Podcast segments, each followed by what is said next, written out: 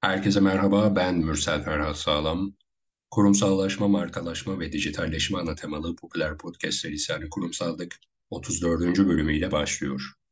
Yayına başlamadan önce hatırlatmak istediğim bir şey var. Hani Kurumsallık podcast serisini Spotify, Apple Podcast, Google Podcast, Podvine, Anchor, Amazon Müzik ve YouTube'da takip edebilir, abone olabilir ve tabii ki bildirimleri de açabilirsiniz. Bundan da çok mutlu oluruz.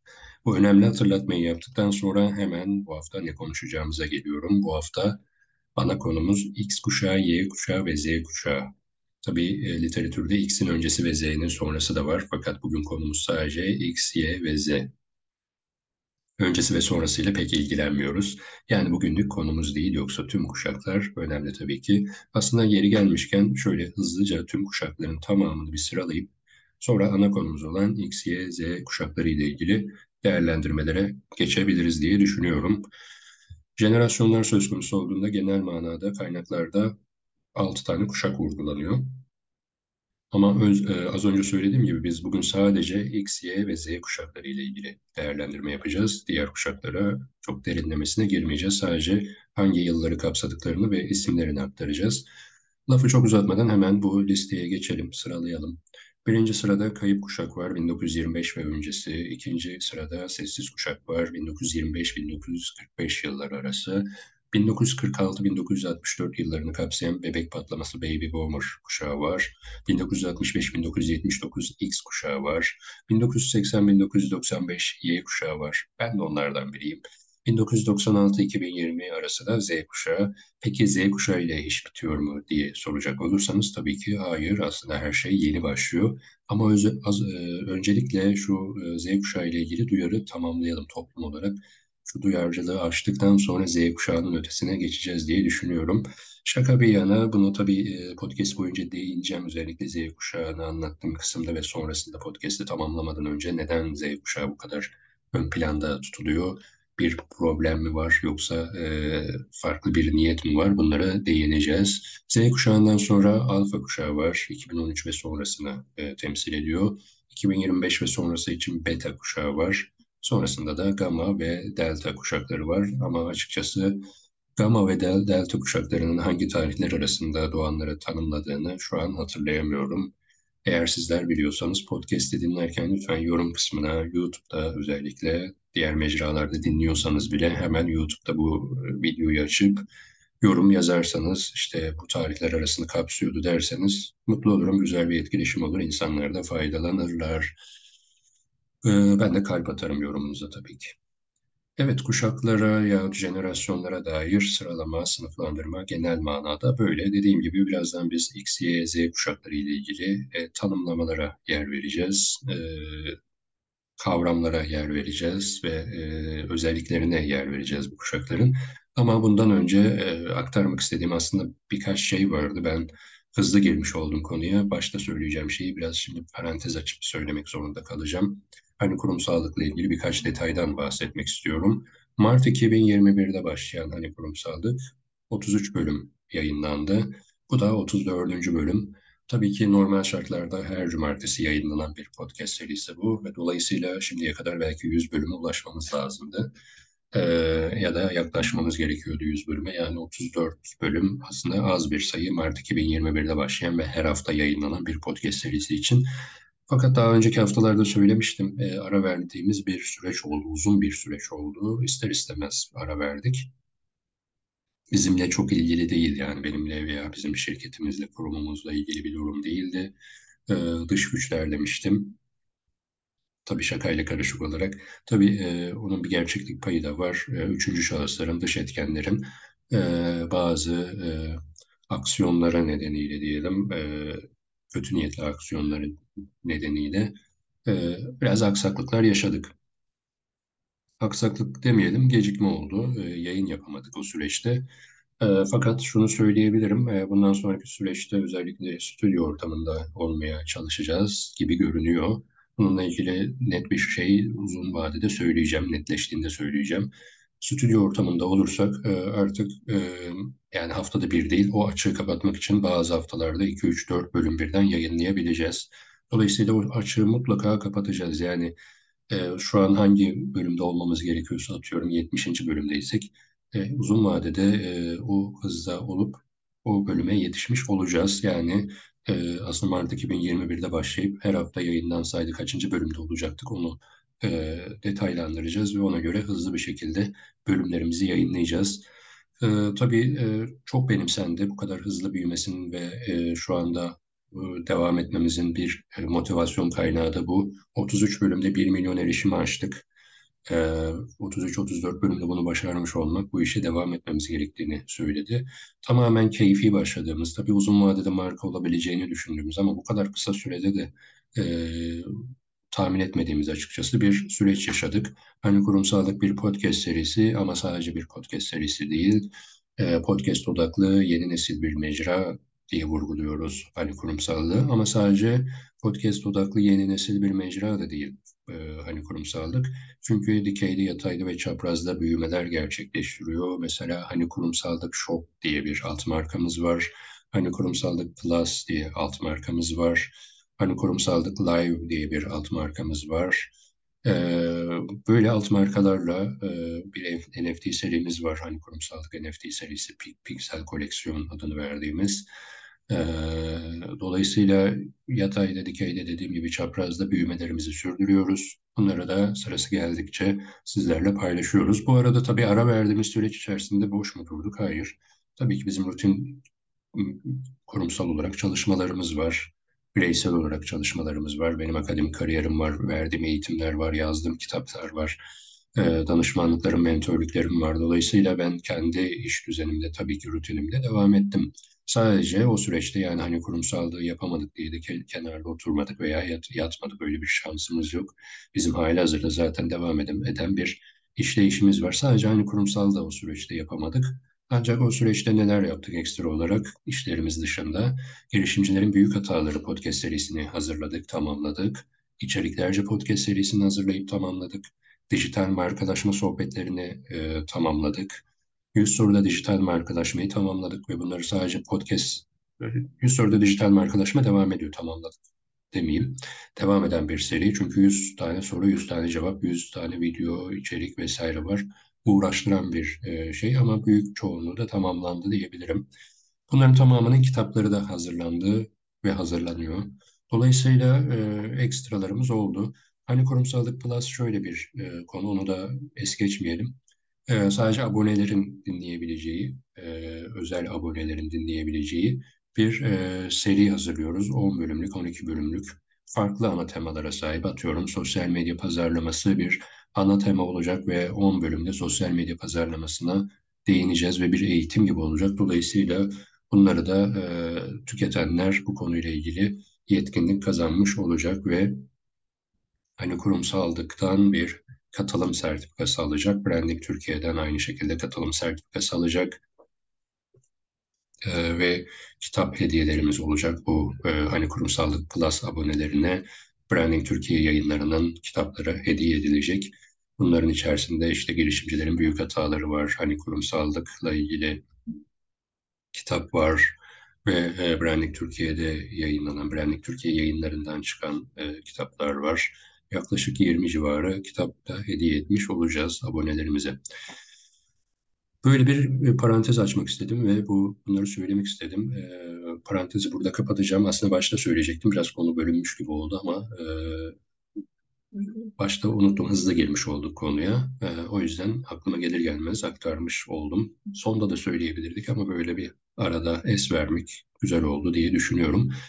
E, Şimdi tekrardan konumuza geçebiliriz. X, Y ve Z kuşakları ile ilgili değerlendirmeler yapacağız. Tanımlamalar, kavramlar, e, bu kuşakların özellikleri, nedirleri, nasılları, niyeleri bunları anlatacağız, değineceğiz ve sonrasında da tabii ki yorumlarımızla podcast'i tamamlayacağız. O halde hızlıca tanımlardan başlayalım. İlk olarak tabii ki kuşak nedir? Buna bakalım ve jenerasyonlar hangi özelliklere göre tasnif ediliyor bir anlayalım. Sonrasında X, Y ve Z kuşakları ile ilgili detaylara geçeriz. Tabii tanım yapmamız gerektiğinde her zaman ilk kaynağımız Türk Dil Kurumu Sözlüğü. Bakalım Türk Dil Kurumu Sözlüğü'nde kuşak nasıl geçiyor? Bu arada kuşak tabii birçok eş anlama sahip bir kelime. Biz sadece jenerasyon anlamına gelen kuşak kavramının tan tanımını aktaracağız. Başlayalım. İki tanım var bununla ilgili. Birincisi yaklaşık olarak aynı yıllarda doğmuş, aynı çağın şartlarını, dolayısıyla birbirlerine benzer sıkıntıları, kaderleri paylaşmış, benzer ödevlerle yükümlü olmuş kişilerin topluluğu şeklinde tanımlanıyor. İkinci tanım şöyle, yaklaşık 25-30 yıllık yaş kümelerini oluşturan bireyler öbeği, göbek, nesil, batın, jenerasyon şeklinde tanımlanıyor. E, Schwarz'a göre akademik çalışmalar yapan e, Schwarz'a göre kuşak yakın bir zaman diliminde doğan aynı sosyal ve ekonomik büyük dışsal olayların etkisinde kalmış, birlikte büyümüş, benzer tutum ve davranışlar gösteren insan topluluğu. Şu bir gerçek ki toplumların ihtiyaçları, beklentileri konjonktüre göre yani içinde bulunulan çağa, zamana, şartlara göre değişebilmekte. Bu da farklı dönemlerde dünyaya gelmiş ve yaşamış olan insanlar arasında davranışsal ve algı olarak farklılıklara neden olabilmekte. İşte bu algı ve davranışlar kuşak kavramını ortaya çıkaran en önemli etkenlerdir. Bu bilgiler odağında şimdi geleneksel kuşak tanımına da bakalım. Geleneksel manada kuşak şöyle tanımlanıyor. Bir bireyin doğumu ile ebeveynlerinin doğum arasındaki ortalama zaman aralığıdır. Tabii detaylara ineceğiz ama öncesinde kuşak kavramının tarihçesine şöyle kısa birkaç kelimeyle belki bir cümleyle değinelim. Kuşak kavramı 1950'lerde Arsenal tarafından ortaya atılmış bir kavram ve sosyolojik bir olgudur. Bir nevi yaş gruplamasına işaret etmek misyonuyla, buna dikkat çekmek ve farkındalık sağlamak misyonuyla kavramsallaştırma yapılmış. Ee, tabii e, kuşak teorisi diye bir kavram da geliştirilmiş Strauss ve Howe tarafından. E, hatta yaptıkları bir çalışma var bu iki bilim insanının. 16. yüzyıldan 21. yüzyıla kadar Amerikan toplumunu kuşaklara ayırarak incelemişler. Amerikan toplumu üzerinde yapılan bu çalışmada kuşak kavramının tanımı genişletilmiş. Aynı zamanda meydana gelen tarihi olaylara göre farklı kuşaklar ortaya konmuş ve tabii kuşakların özellikleri de açıklanmış. Bütün bu unsurlara da kuşak teorisi adını vermişler. Böyle bir kavramsallaştırma yapılmış. Bu araştırma tabii ki önemli çünkü bu sayede kuşaklar arketip adı verilen başlangıç modeli veya temel şablon üzerine bir e, oturtulmuş, e, yerleştirilmiş diyelim e, bir nevi e, kavramın e, altyapısı sağlamlaştırılmış. Hatta dört arketipin kuşaklar üzerinde sürekli bir devir daim yaptığı da söyleniyor. Bu araştırmadan elde edilen bir değer olarak karşımıza çıkıyor.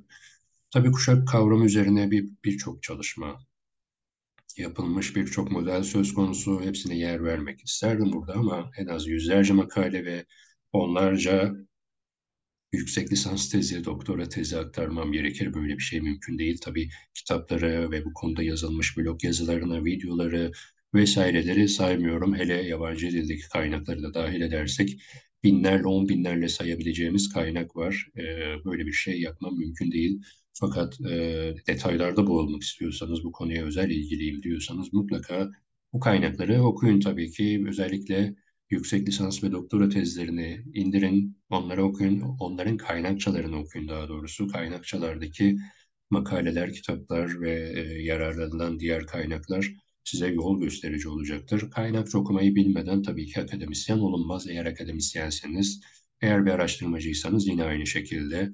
Hayır ben sektörde çalışan biriyim ama bunları öğrenmek istiyorum diyorsanız siz de kaynakçaları takip etmek zorundasınız e, diyebilirim ve sonrasında tekrar e, az önceki araştırma ile ilgili detaylara geçiyorum. Konuyla ilgili yapılan çalışmalardan çıkarılan bir sonuç var. Buna göre insan ömrü 80 yıl olarak kabul edilip e, bu da dörde bölünmüş ve akabinde yeni neslin var olması gerektiği belirtilmiş. Yani 80 yılda bir yeni nesil gelmeli denmiş. Her 20 yıllık periyot şöyle açıklanıyor.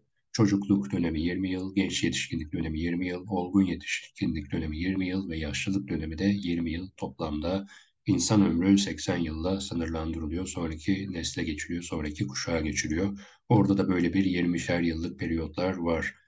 Ee, sonrasında da tabii ki az önce söylediğim gibi arketiplerle bir eşleştirme yapılmış. Bu arada arketipleri sanırım söylemedim. Ee, mesela kahraman arketipi var, ee, kuşaklarla eşleştiriliyor. Sanatçı arketipi var. Ee, böyle terimsel eşleştirmeler yapılmış dört tane arketip var. Her 80 yılda bir dediğim gibi devir daim oluyor, yeni nesle geçiyor. E, ve sırasıyla uygun arketip o nesle eşleştiriliyor. Örneğin bu tasnife göre X kuşağı göçebe arketipiyle açıklanıyor, Y kuşağı kahraman arketipiyle açıklanıyor, Z kuşağı ise sanatçı arketipiyle açıklanıyor. Tabii hepsinin bir açıklaması var. Yani niye Z kuşağı sanatçı, niye Y kuşağı kahraman? Bunun bir açıklaması var. Bu arketiplerin detaylı analizleri ve açıklamaları var. Ee, ve e, dediğim gibi dört kuşaktan sonra tekrar başa dönüyor. O arketipler dört e, kuşakta bir e, kendini yeniliyor. Dolayısıyla burada aslında dört kuşakta bir e, her kuşağın birbiriyle eş olduğu, eş karakterlere sahip olduğu sonucu da çıkabilir. Veya bu çalışmayı ben mantıklı bulmuyorum da diyebilirsiniz. Ama bir şekilde akademiye girmiş önemli ve böyle bir kavramsallaştırma yapılmış, sınıflandırma yapılmış. Tabii bunlar yine de söyleyelim yani genel kabul görmüş tanım veya kategorizasyonlar değil. Birçok tanım var, birçok tasnif var. Sosyal bilimlerin özelliği budur. Yanlış demiyoruz, çok doğru da demiyoruz. Bizler birer akademisyen olarak, araştırmacı olarak, bu konuyla ilgili kariyer yapan insanlar olarak bunların tamamını önemsemek zorundayız. Yani şu da var mesela bazı akademisyenler Z kuşağını 2000'lerde e, başlatıyor, bazısı 1996'da başlatıyor, bazısı 2004'te başlatıyor. E, yani 2004'te doğanlara Z kuşağı diyorlar, bazısı dediğim gibi 2000'de doğanlara, bazısı da 1996'da doğanlara Z kuşağı diyor. Hangisi doğru bilmiyoruz, hangisi yanlış. Onu da bilmiyoruz. Hepsini doğru kabul ediyoruz veya hiçbirini doğru kabul etmiyoruz. Yani nötr kalmakta yarar var. Biz akademik çalışma yapıyorsak hepsine yer vermek zorundayız. Kendi yorumumuzu da sonrasında dahil edip bütün araştırmalardan çıkan ortak bir e, sonuca e, değinmek zorundayız. Akademik çalışmalar böyledir. Herkes bir teori, tez ortaya atar ve bu, bunun üzerine araştırma yapar, anket, deney, analiz yapar. Bunları hazırlar, sunar, hakemli dergilerde yayınlar, kabul edilir, makale yazar. O da kabul edilebilir. Sonuçta dediğim gibi bunun doğruluğu değil, araştırmanın içeriği, mahiyeti, araştırmaya verilen emek, harcanan süre bunların tamamı çok değerli. Bu araştırmalar yapılırken e, tüketilen kaynaklar, e, aktarılan bilgi, e, elde edilen çıktılar bunların tamamı çok önemli. Akademide bir şekilde var olduysa bu mutlaka önemlidir ve bir şekilde kabul gördüğünü gösterebilir. Bu konularla ilgili de yani işin tanımsal kısmı ile ilgili söyleyebileceklerimiz aslında bunlar. Kuşakların hangi zaman aralığında ya da zaman aralıkları belirlenirken hangi faktörlerin ön planda olduğu, daha etkili olduğu da tabii ki önemli bir detay. Bu konuda yapılan çalışmalarda iki temel unsura rastlıyoruz. Yani kuşakların zaman aralıkları belirlenirken iki temel faktör ön planda. Bunlardan birincisi o süreç içerisinde olan, gerçekleşen ve insanların hayatlarını şekillendiren tarihi olay ve olgulardır.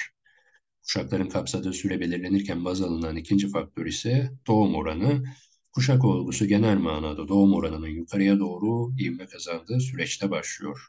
Yani iki tane temel unsur var kuşakların zaman aralıkları belirlenirken e, hangi faktörlerin etkili olduğu iki temel e, unsura indirgendiğini söylemiştik. Bunlardan birincisi bir o süre içerisinde yaşanılan olaylar, tarihi olaylar, olgular, kuşakları şekillendiren veya kuşakların tasnif edilmesi için e, uygun görülen e, detaylar. Diğeri de kuşakların e, doğum oranı, o kapsadığı süre içerisindeki doğum oranı da e, kuşakların zaman aralıkları belirlenirken e, kullanılan faktörler arasında şöyle bir genel özet yapacak olursak kuşakların kendine ait özellikleri var diyebiliriz. Sahip oldukları değerleri var, zayıf ve güçlü tarafları var, beklentileri var, misyonları var, hedefleri var. Çünkü her kuşağın bir takım karakteristik özellikleri var. Zaten bu yüzden farklılık gösterirler ve bu yüzden de tasnif edilirler, birbirlerinden farklılaşırlar e, diyerek devam edelim. Notlarıma bakıyorum tabii ki bir yandan böyle ara sıra duraksadığımda artık e, bizi sürekli dinleyenler e, anlıyordur. E, notlarıma bakıyorum. Konuştuğum şeylerin üzerine çiziyorum. Buna e, yanına tik koyuyorum. E, Alman sosyolog e, Karl, Karl Mannheim diye okunuyor sanırım. Kuşakların sorunu başlıklı bir makale yayınlıyor sosyal ve entelektüel hareketlerin yapısını anlamada nesillerin büyük önem taşıdığını vurguluyor bu makalesinde. Öte yandan e, bu akademisyene göre, sosyoloğa göre toplumda bir jenerasyonun varlığından söz edebilmek için beş özelliğin olması gerekiyor. Bununla ilgili bir tabloya rastlamıştım. Perry ve Urwin'in oluşturduğu kuşakların oluşmasında etkili beş özellik adını taşıyan bu döngüsel grafiğe göre O beş özellik şöyle. Birincisi kültürel süreç dahilinde yeni katılımcıların ortaya çıkması. İkincisi eski katılımcıların sürekli yok olması. Üç, bir kuşağın üyelerinin tarihsel süreç içerisinde zamansal olarak sadece belirli bir bölüme katılabilmesi. Dört, kültürel mirasın sürekli olarak yeni nesillere iletilmesi. 5 kuşaktan kuşağa aktarımların sürekli olması şeklinde bir döngü, bir yuvarlak grafikten bahsedebilirsiniz. Hepsi bir diğerinin parçası gibi biri olmadan diğeri de önemsiz kalıyor. Kavramsal olarak e, kuşaklarla ilgili aktarabileceklerim bunlardı. Kavramlara değindik. Kuşakların sorunu makalesiyle ilgili bir e, döngüsel e, detaya değindik. Kuşakların e, hangi zaman aralıklarında e, oluştuğunu, hangi faktörlerin belirlediği ya da zaman aralıkları belirlenirken hangi faktörlerin etkili olduğunu konuştuk. E, onun dışında tanımlamalar yaptık ve artık sanıyorum ki kuşaklara tekil manada geçebiliriz. X kuşağından başlayacağız. Sırasıyla X kuşağının e, nedirine ve e, özelliklerine değineceğiz. Sonra Y ve Z kuşaklarına da geleceğiz. O halde hızlıca başlayalım. X kuşağı nedir diye girelim konuya. Ee, X kuşağı bebek patlaması kuşağından sonra gelen kuşaktır. 1965 ve 79 yıllar arasında doğanları kapsıyor. Bebek patlaması ve Y kuşağı gibi iki parlak kuşak arasında kaldığı için X kuşağı için e, geçiş kuşağı, kayıp kuşak ve sandviç kuşak tanımları da yapılıyor. Genelde ebeveynlerin ikisinin de çalışma hayatında olduğu bir kuşak X kuşağı. Bu yüzden X kuşağını aynı zamanda anahtarlarını yanında taşıyan çocuklar kuşağı olarak da e, tanımlamışlar. Böyle bir tanım da var X kuşağı ile ilgili. Türkiye'deki X kuşağına e, geçiş dönemi çocukları denmiş. Hatta bu kuşak aynı sebepten ötürü yani ebeveynlerin e, ikisinde çalışıyor olmasından dolayı e, bu kuşak aynı zamanda kreşe gönderilen ilk kuşak olmuştur. Bebek patlaması ve Y kuşağına nazaran X kuşağının dünyadaki nüfusu daha azdır. Bu arada X kuşağının çocukluk yıllarında ABD'de, Amerika Birleşik Devletleri'nde boşanma oranları 3 kat, 3 kat artmış. Bu yüzden X kuşağının bir bölümü tek ebeveynli bir çocukluk dönemi geçirmiştir. Hem ebeveynlerin iş hayatında olması hem de boşanma oranlarının bu denli artması X kuşağı ebeveynlerinin çocuklarına daha hoşgörülü ve korumacı davranmasına sebep olmuştur. Her kuşağın öne çıktığı belirgin bir özelliği vardır. X kuşağında bu özellik şüpheciliktir. X kuşağının adaletsizliğe karşı da keskin bir sağduyusu vardır. Ee, ve tabii dolayısıyla da X kuşağı çalışma hayatında da kendine kendisine adil davranılan yerleri tercih etmiştir. Adalet konusunda bu kadar hassas olan bir kuşak olarak. X kuşağı e, çalışmak için yaşamanın değil, yaşamak için çalışmanın gerekli olduğunu düşünmüştür. Ayrıca iş ve özel yaşam arasında denge kurmayı bilmiş ve bunu önemsemiş bir kuşaktır. X kuşağı çalışırken ve eğlenirken maceraya atılmayı ve risk almayı yat, e, seviyor. Buna yatkın bir topluluk veya bir jenerasyon. X kuşağı gençlik yıllarında ilk evi ev bilgisayarıyla tanışan, ilk ev bilgisayarıyla tanışan, Walkman'lerle ve video oyunlarıyla, kaydedicilerle tanışan ve bunlarla büyüyen bir kuşak. Bu yüzden de X kuşağı bilgisayarlarla açılan yeni dünyanın öncüsü olmuştur. Serbest, geçici veya sözleşmeye bağlı çalışma bağımsızlık verdiği için X kuşağı çalışanlar arasında bu çalışma biçimleri yaygın olarak görülmüştür. Bakın ilginç bir detaydan daha bahsedeceğim. Yapılan araştırmalara göre X kuşağı çalışanları 2 ile 4 yıl arasında bir iş değiştirmişler. Hatta çalışma hayatları boyunca birçok defa sadece kendi işlerini değil, çalıştıkları iş yerlerini değil, kariyerlerini de değiştirmişler. Yani çalıştıkları farklı alanlar olmuş. O kadar ki bu kuşağın çalışanları, X kuşağının çalışanları 30'lu yaşlarına geldiklerinde ortalama olarak 9 farklı işte çalışmış olmuşlar. Bir diğer ayırt edici özellik de X kuşağı önceki kuşaklara kıyasla daha bireysel bir anlayışa sahip böyle bir jenerasyon. Öte yandan X kuşağı için para satın alabilme gücünden daha çok bir öz saygı göstergesi olarak önem taşıyor. Türkiye'deki X kuşağına gelecek olursak toplumumuzdaki X kuşağı toplumculuğu, sadakati ve idealizmi bir arada barındıran bir jenerasyon olarak ortaya çıkmıştır. E, ön plana çıkmıştır. Ayrıca Türkiye'deki X kuşağı tıpkı dünyadakine benzer bir rekabetçiliğe sahiptir.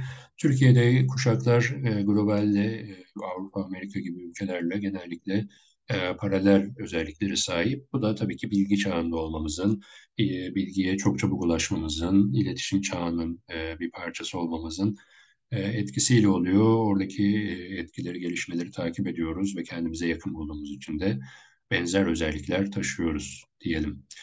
Akademik tarama neticesinde X kuşağı ile ilgili araştırmalardan çıkarılan sonuçlar genel manada böyle. Tabii bunları dinlerken aklınıza ya bu aynı Z kuşağının özellikleri değil mi veya Y kuşağına ne kadar da benziyor gibi düşünceler gelebilir aklınıza. Bununla ilgili tabii ki podcast'in sonunda değerlendirme yapacağız. Birkaç detaydan e, bahsedeceğiz. Şimdi hızlıca Y kuşağına geçelim hiç vakit kaybetmeden. Y kuşağı nedir ve özellikleri nelerdir bakalım hemen. X kuşağından sonra gelen kuşaktır. 1980 ve 99 yılları arasında doğanları kapsıyor. 2000 yılının referans alınmasından dolayı bu kuşak aynı zamanda milenyumlular olarak da tanımlanıyor. Öte yandan internetin yaygınlaşması dönemine denk gelen bu kuşak y kuşağı böyle bir kuşak olduğu için aynı zamanda WWW kuşağı, net kuşağı ve dijital kuşak olarak da tanımlanıyor. Farklı tanımlar da var. Mesela üniversite eğitimini alıp tekrar aile evine dönen bireylerden oluşan bir kuşak olduğu için Y kuşağı boomerang kuşağı olarak da anılıyor. Geri döndüğü için boomerang kuşağı da deniliyor bu kuşağa. Aynı zamanda gelecek odaklı bir kuşak ve sabırsız bir kuşak. Bu nedenle de şimdiki kuşak olarak da tanımlanıyor. Bebek patlamasından sonra en çok nüfus artışının meydana geldiği kuşak da yine Y kuşağı. Bundan ötürü de Eco Boomer yani patlamanın yankısı olarak da tanımlanıyor. Aynı zamanda Ben kuşağı olarak da tanımlanan Y kuşağı kendi bireysel ihtiyaçlarına ve inanışlarına odaklanan bir topluluktur. Açık ve net bir kuşaktır özellik olarak. Aynı zamanda Y kuşağı ebeveynlerinden yoğun ilgi görmüştür. Hatta Y kuşağı çocukları kendilerini çocukları için adayan anne babalar tarafından yetiştirilmiştir desek daha doğru olur. Bu yüzden de biraz uyumlu bir kuşaktır Y kuşağı. ilgi görmüş, ailesinden ilgi görmüş bir kuşaktır. Onun da etkisi tabii X kuşağının kendi ebeveynlerinden ilgi görmemiş olması olabilir. Ee, insan tabii ki yaşamadığını yaşatmayı sever. Ee, özellikle olumlu duygular söz konusuysa bir eksikliği kendi çocuklarında e, yansıtmak istemez. Böyle X kuşağı da bunu yapmış. Kendileri ebeveynlerinden uzak büyüdükleri için e, kendi çocuklarına daha ilgili davranmışlar. Y kuşağı şanslı diyelim. Şanslıyız diyelim ben de Y kuşağı olduğum için. Ee, dediğim gibi X kuşağı ebeveynlerinden yoksun büyümüştü ama bunun aksine Y kuşağı ebeveyn, ebeveynlerin anne babasına çok yakın büyüdü. Buradaki e, hatta Y kuşağındaki kritik unsur ebeveynlerin fazlasıyla e, hayatlarına dahil olması da diyebiliriz. E, sıradan bir ilgi değil, fazlasıyla ilgi gösteren bir ebeveyne sahip Y kuşağı. Y kuşağının kariyer beklentilerine de değinelim. İş ve özel yaşam dengesi, iyi bir ücret ve imkanlar, terfi fırsatları, anlamlı iş deneyimleri, bireyin kişisel gelişimini sağlayan iş ortamı ve çalışma hayatı Y kuşağının kariyer hayatındaki beklentileri bunlar diyebiliriz, bu şekilde özetleyebiliriz. Bu arada Y kuşağının bir işe girerken önde tuttuğu temel ölçüt de kendisine ödenecek maaştır aslında. Bunda Y kuşağının iddialı finansal ve kişisel amaçlar olan bir topluluk olmasının katkısı büyük. Mesela Y kuşağı bireylerinin 30 yaşlarına geldiğinde yüksek ücret alacağına dair bir beklentisi vardır. Akademik bir içerikte yer alan bilgiye göre de Y kuşağının %80'i gelecekte ailelerinden daha iyi finansal olanaklara sahip olacağını düşünüyorlar. Y kuşağı ayrıca para biriktirmeye çok önem vermiş bir jenerasyondur. Çünkü birçok iflas ve işten çıkarmalara şahit olmuş bir kuşaktır. Kendini güvence altında almak için Y kuşağı tasarruf etmeyi önemsemiştir. New York Yatırım Danışmanları Birliği tarafından yürütülen bir çalışmada bu, bu kuşağın %46'sının emeklilik için para biriktirmeye başladı. %49'unun ise iş seçiminde emeklilik olanaklarını bir ölçüt olarak seçtiği belirtilmiştir. Bu da önemli bir araştırma. Y jenerasyonu mensuplarının birçoğu bütün hayatımın iş olmasını istemiyorum düşüncesine sahiptir. Hatta sanırım bu yüzden Y kuşağı iş esnekliğine, evde çalışabilme seçeneğine ve çocuklarıyla zaman geçirmek için geçici olarak iş yerinden ayrılma imkanına sahip olabileceği işleri tercih ediyor. Y kuşağı bireylerini önemli derecede etkileyen iki tane sosyal akım var. Bunlar küreselleşme ve bilgi devrimi şeklinde özetlenebilir. Y kuşağının eylemleri ve davranışları teknolojiden önemli biçimde etkilenmiştir ve Y kuşağı akran odaklı, arkadaş odaklı bir topluluktur. Hatta Y kuşağı genel manada karar verme konusunda deneyim eksikliği yaşadığı için bu yüzden e, Y kuşağı bireyleri arkadaşlarından tavsiye almayı e, önemli buluyor ve bu tavsiyeler neticesinde de karar vermeyi önemli bulan bir kuşak. Bu arada Y kuşağı idealizmi ve gerçekçiliği bir arada bulunduran bir jenerasyon olmuştur. Öte yandan Y kuşağı bütün kuşaklar içerisinde en eğitimli jenerasyondur. Seyahat konusunda da belirli bir sıklığa sahiptir. Seyahat etmeyi seven bir kuşak Y kuşağı. Diğer bir ifadeyle Y jenerasyonu imkan bulduğunda seyahat eden, gezen bir kuşak. Ee, ben de imkan bulduğumda geziyorum aslında. Fırsat oluşturmak önemli tabii. Türkiye şartlarında artık çok zor. Hele ki yurt dışında seyahat etmek çok daha zor. E, fakat yine de fırsat bulduğumuzda da gezmemiz lazım. Hem çok gezen hem çok okuyan, gezerken okuyan e, insanlar e, daha çok bilirler diyelim. Sadece çok gezen veya sadece çok okuyan değil. İkisini bir arada bir e, aynı anda yapan insanlar daha bilinçli ve kültürlü, daha e, bilgili, entelektüel oluyorlar diyerek böyle bir parantez açmış olalım ve devam edelim. Türkiye'deki Y kuşağı ee, yine gezmeyi, eğlenmeyi, yeni deneyimler edinmeyi, başarıyı, parayı, alışverişi, öğrenmeyi, hayallerinin peşinden koşmayı, sorgulamayı seviyor ve TÜİK'in e, bir araştırması, 2018'deki araştırma ama ben buna rastladım. E, mutlaka sonrasında da yapılmıştır. TÜİK'in 2018'deki raporuna göre Y kuşağı Türkiye'nin %30'unu oluşturan bir jenerasyon. Y kuşağı ile ilgili de bunları söyleyebiliriz. Şimdi tabii ki Z kuşağı var. Meşhur Z kuşağı herkesin dilinde olan. Bakalım Z kuşağının ayırt edici yönleri nelermiş? Ee, tabii Z kuşağı ile ilgili duyar neden yapılıyor buna da değinmemiz lazım. Acaba sadece oy potansiyeli için mi, alışveriş e, yapsınlar diye mi, içeriklerimizi tüketsinler diye mi, web sitelerimizde dolaşsınlar diye mi? Yani Z kuşağı ile ilgili olan bu ilgi alakanın sebebi, bu duyarın e, nedeni, duyarcılığın nedeni acaba nedir? gerçekten çok mu önemseniyor yoksa onlardan bir kar elde etmek amaçlı mı? E, siyasetçiler, iş, iş insanları, markalar vesaireler Z kuşağını niye önemsiyorlar? Bunlara değineceğiz. Yine aynı şekilde YouTube'daki videomuzun altına Z kuşağı duyarının sebeplerini yazabilirsiniz e, diyelim.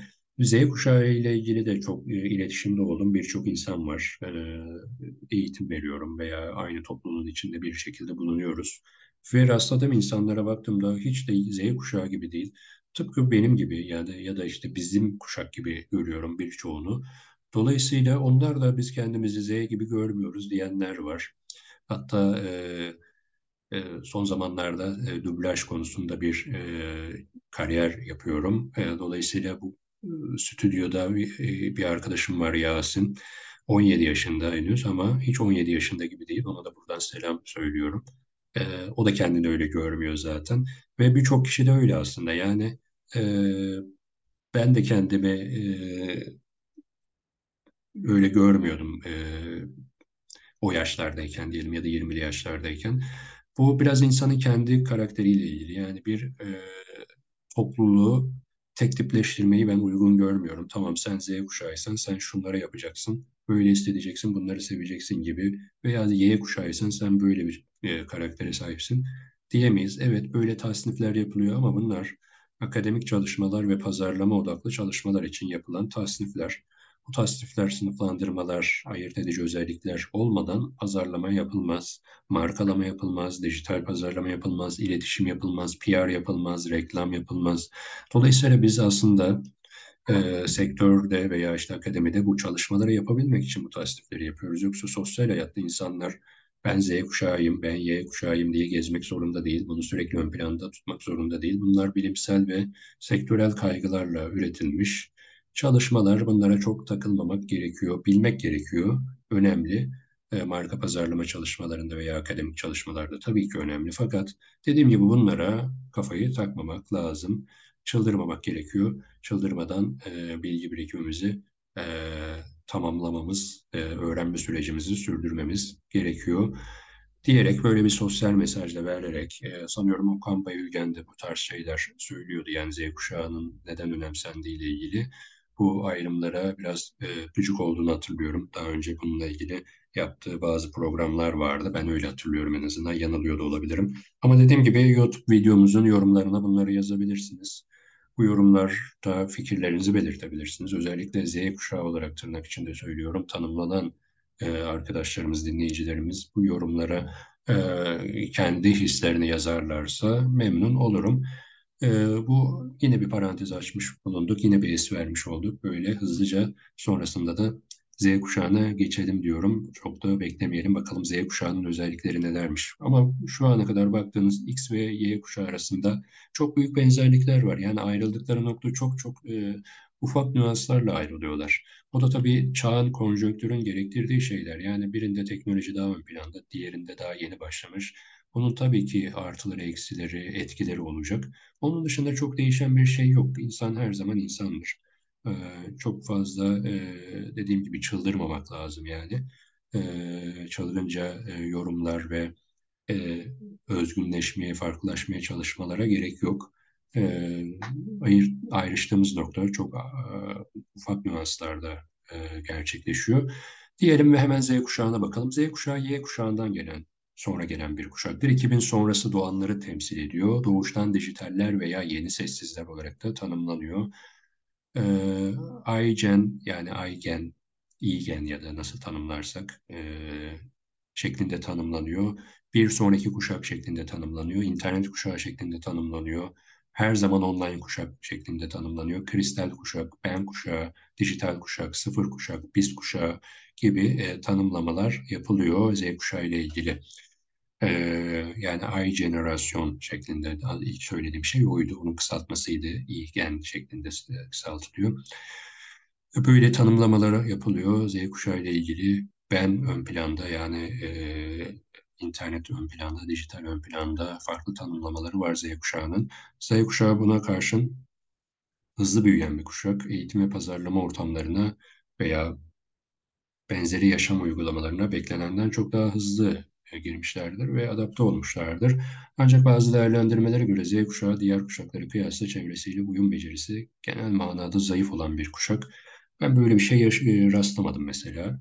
Ee, belki benim çevremdeki Z kuşağında böyle problemler yoktur veya benim öğrencilerimde böyle bir problem yoktur. Buna karşın Z kuşağı kişiler arası iletişimde farklı bir bakış açısına sahiptir. Daha açık ifadeyle bu kuşak iletişim için interneti yoğun olarak kullanıyor. Ayrıca resimler, ifadeler ve semboller aracıyla, aracılığıyla iletişimi ve etkileşimi tercih ediyor. Kim böyle tercih etmiyor ki? Yani internet çağında, WhatsApp çağında veya işte Telegram ya da mesajlaşma uygulamaları veya sosyal medya paylaşımları vesaire hep böyle kendimizi ifade ediyoruz. Binlerce yıl önce Mısır medeniyetinde de görsellerle insanlar kendilerini ifade ediyordu ve böyle buna yönelik alfabeler vardı biliyorsunuz. Dediğim gibi insan insandır. Çok fazla değişmeyiz. Kendimizi en kolay nasıl ifade ediyorsak o şekilde ifade ederiz. 100 yıl sonra farklı bir e, kolay ifade etme yöntemi çıkar. Onu kullanırız. Yani bunun kuşaklarla çok alakası yok. E, konjonktürün etkisi var, teknolojinin etkisi var diyelim. Teknolojiyle iç içe olan bir kuşak olan Z kuşağı oyuncak yerine iPad ve cep telefonuyla oynayarak büyümüştür. E, Z kuşağı ayrıca arkadaşlarıyla sokakta oynamak yerine bilgisayar oyunlarıyla büyüyen bir nesildir. Böyle bir şey de yok. Gayet herkes sokakta çocuklar falan oynuyorlar. Ben görüyorum sokaklar çocuk dolu. Hatta bu yüzden internet Z kuşağı için oksijen gibi olmazsa olmaz bir gerçekliktir. Yine hangimiz için değil ki diyelim. İnternetin içindeyiz, her şeyimizi internetten yapıyoruz. Özellikle şu korona sürecinde. Z kuşağı aynı zamanda ne istediğini bilen bir kuşaktır. Bağımsız ve bireysel çalışma özelliği taşır. Komplekse girmeden kendilerini ifade edebilmek gibi bir özellikleri vardır. Girişimcilik istekleri fazladır hiyerarşinin az olduğu eğlenceli ve renkli iş hayatı talep ederler. Z kuşağının olumsuz yönleri de tabii ki var. Çalıştıkları mesleklere ve işlere karşı, e, iş yerlerine karşı sadakatsiz bir kuşak olarak tanımlanıyorlar ben merkezli olmalarından dolayı, ben merkezci yapılarından dolayı takım çalışması gerektirecek işlerde sorun yaşıyorlar. Z kuşağının olumsuz bir diğer özelliği de sürekli olarak yenilikçi ve eğlenceli işler yapma beklentisi içinde olmalarıdır. Bu yüzden standart işlerin yapılmasını zorlaştırıyorlar. Tabii bu durumun olumsuzluğu, olumsuz olup olmadığı yine bakış açısına göre değişiyor. Öte yandan acele ve sabırsız karakteristikleri, emek ve zaman gerektiren mesleklerin değer kaybetmesine sebep oluyor. Bu arada Z kuşağı tutumlu bir kuşak. Aynı zamanda Z kuşağı ne kadar kişisel olursa olsun sahip oldukları her şeye karşı çok cömerttirler. Yani olumlu özellikleri de fazla. Dediğim gibi baktığımızda şimdi X'i okuduk, anlattık, Y'yi anlattık, Z'yi anlattık, özelliklerini aktardık. Notlarımızdan olan e, parçaları size söyledik, e, yorumlarımızı söyledik, akademik detaylardan bahsettik. Bu bilgileri aktardık, deneyimlerimizi paylaştık. Dolayısıyla şöyle bir karşılaştırma yaptığınızda birinin diğerinden çok farklı olduğunu görebiliyor musunuz? Merak ediyorum. Ben çok fazla göremiyorum. Dediğim gibi çok ufak nüanslarla birbirlerinden ayrılıyorlar. Ee, onun dışında bir sorun göremiyorum. Tabii bir karşılaştırmamız da var, bir tablomuz var, hazırladığım bir tablo var. Tabloda da e, kuşakların belli metrikler odağında e, farklılıklarını veya benzerliklerini değerlendirdik. E, kuşaklara bir karşılaştırmalı olarak bakmak gerektiğini düşünerek bunu hazırladım. Burada öne çıkan metrikler e, şunlar. Hemen hızlıca sıralayayım. Tabii yeri geldiğinde tek tek söyleyeceğim. E, kuşakları neye göre karşılaştırdık? Hangi metriklere göre? Bunlardan birincisi karakterlerini biçimlendiren deneyimler. Diğeri genel istekleri. Üçüncüsü öne çıkan ürünler. Diğeri iletişim araçları, iletişim tercihleri, tüketim ürünleri tercihleri ve genel görünümleri şeklinde metriklerimiz var. Bu metrikler etrafında kuşakları sıraladık, karşılaştırdık. E, merak etmeyin, e, ilgili metriği vurgulayarak karşılaştırmayı yapacağım. İlkinden başlayalım. Karakterlerini şekillendiren, biçimlendiren deneyimler odağında X kuşağına bakıyoruz. E, Soğuk Savaş'ın bitişi, Berlin Duvarı'nın yıkılışı, ilk bilgisayar tanıtımı. Y kuşağında karakterlerini biçimlendiren deneyimler, Y kuşağında 11 Eylül saldırısı ve sosyal medya, Z kuşağında küresel ısınma ve mobil cihazlar. Genel istekleri odağında X kuşağı, iş yaşam dengesi, Y kuşağı özgür ve esnek olmak, Z kuşağı güvenlik ve tutarlılık. Öne çıkan ürünler X kuşağında kişisel bilgisayarlar, Y kuşağında tablet ve akıllı telefonlar, Z kuşağında Google gözlükleri, 3D yazıcılar, sürücüsüz araçlar. İletişim araçları açısından karşılaştırma yapacak olursak X, X kuşağında e-posta ve SMS, Y kuşağında SMS ve sosyal medya, Z kuşağında giyilebilir kıyafetler veya kıyafetlere entegre edilmiş iletişim cihazları.